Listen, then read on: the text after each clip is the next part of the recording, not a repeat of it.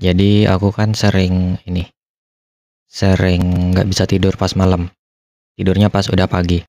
Terus ada temanku yang tanya-tanya HP. Nah, kalau tentang HP kan aku tahu banget lah. Ah, misal rekomendasi di harga 3 jutaan gitu aku tahu yang bagusnya apa. Kalau semisal ngincer spek, bagusnya apa, ngincer desain bagusnya apa gitu. Soalnya ya banyak youtuber-youtuber yang, eee, ngasih review-review HP gitu. Terus habis ngomongin-ngomongin HP, tiba-tiba ngomongin kalau ada pemulung dikasih iPhone gitu. Nah dari situ hal menariknya ini langsung muncul. Eee, jadi apa yang ada di pikiranku kan kadang aneh gitu. Jadi menurutku kalau semisal pemulung gitu, nggak maksudnya pemulung itu bukan orang kaya yang mulung gitu, tapi ya mana ada orang kaya yang mulung, tapi orang yang emang nggak punya gitu terus dikasih iPhone. Eee, menurutku eee, ya nggak ada gunanya gitu. Pemulung dikasih iPhone, mau buat apa? Mau beli pulsa aja nggak mampu. Eee, terus dikasih iPhone, buat apa? Mungkin dijual bisa, oke, terus buat makan, terus udah gitu.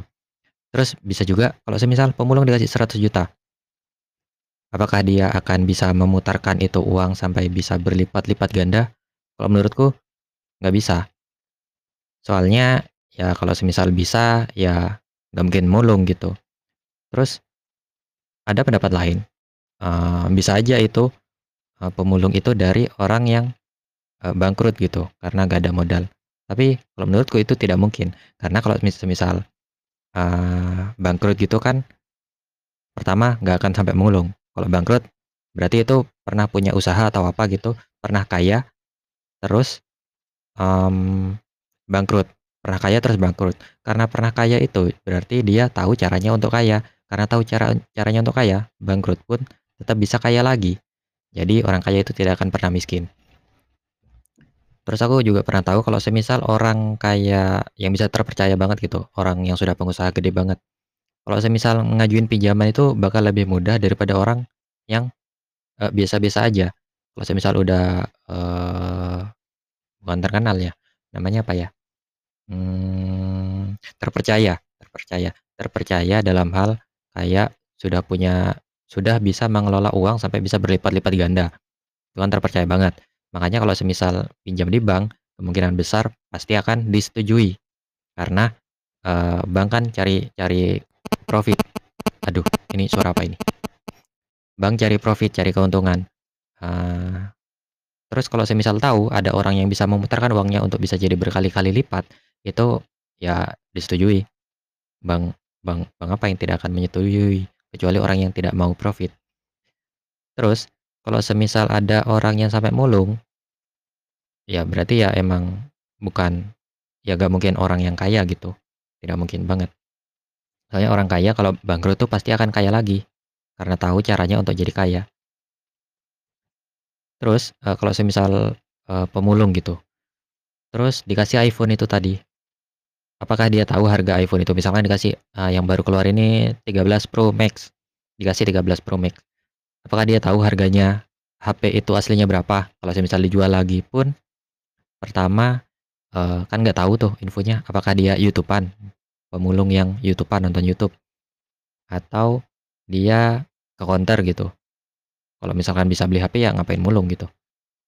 Tapi nggak tahu ya kalau misalkan ada pemulung yang penghasilannya gede banget, 5.000.000, 10.000.000, 20.000.000 per bulan gitu, nggak tahu. Ini yang yang yang ada di pikiranku aja. Pemulung yang ya karena penghasilannya nggak gede atau ya penghasilannya itu dari mulung, jual botol-botol bekas gitu. Jadi sudut pandangnya dari situ. Eee, dia kan nggak tahu tuh harganya iPhone berapa, jadi mungkin dia ngejual 100.000, 200.000 juga, ya mungkin nggak segitu banget sih, tapi mungkin ya seenggaknya dijual 1.000.000 itu mungkin oke, padahal harga aslinya itu 20.000.000, 30.000.000 gitu, HP iPhone-nya itu. Jadi ya kalau dari mulung, kalau semisal emang dia tahu caranya kaya, mungkin mungkin bisa dari mulung itu tahu caranya kaya, kalau tahu ya. Tapi, eee, akhirnya itu atau di masa sekarang itu nggak mungkin mulung lagi, mungkin dari mulung ngumpulin sampah tuh, sampah organik atau sampah apa pun yang bisa diolah, terus ya diolah, Kalau semisal yang organik mungkin dijadikan pupuk, terus ya jadi pengusaha dijual, diputar uangnya gitu. Tapi kan mereka kan nggak tahu, karena nggak tahu itu makanya masih mulung. Karena kalau yang mulung kan biasanya kan, eee, dapat barang-barang yang bisa dijual, dijual udah gitu, nggak diolah dulu. Eee, soalnya aku dulu pernah, mmm, ya nyari-nyari besi sama tembaga-tembaga gitu dijual untuk main PS. Udah gitu doang, nggak dibuat kerajinan dulu atau apa gitu untuk dijual dengan harga yang lebih mahal. Ya karena nggak tahu caranya itu tadi, nggak punya relasinya, nggak tahu caranya juga. Terus bisa aja, eee, banyak orang yang tahu caranya untuk kaya gitu, tahu caranya untuk melakukan sesuatu untuk mencapai ke tujuannya. Kalau ngomongin kaya, aku nggak kaya juga. Eee, ada orang yang tahu caranya untuk mencapai tujuannya, tapi ada juga yang kayak aku juga salah satunya, tahu caranya tapi, eee, nggak berani gitu. Entah karena belum pernah melakukan hal yang ada di ide-idenya itu, jadinya ada rasa ya kayak mau pertama kali melakukan sesuatu kan, eee, gimana ya, takut gitu, nggak berani. Ya dari mentalnya itu juga.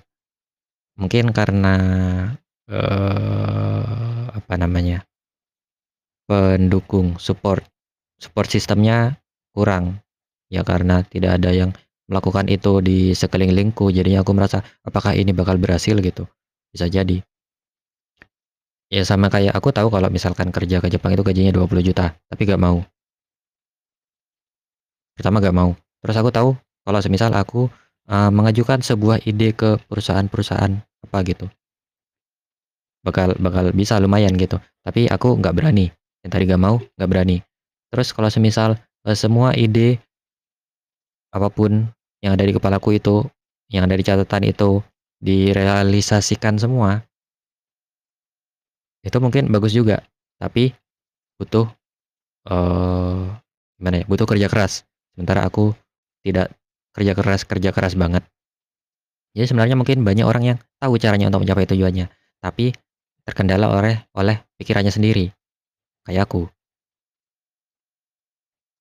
Jadi nggak bisa kayak, eee, misalkan kita punya pemikiran, pengalaman itu dipakai untuk memberi saran kepada orang lain.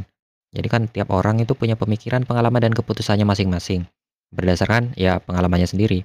Jadi kalau ada orang minta saran, terus kita kasih saran kan kadang orang itu tidak nerima, karena dia punya pengalaman yang berbeda sama kita. Jadi kalau kita ngasih, eee, keputusan berdasarkan pengalaman kita sendiri, ya nggak bisa, beda gitu, visinya beda. Mmm.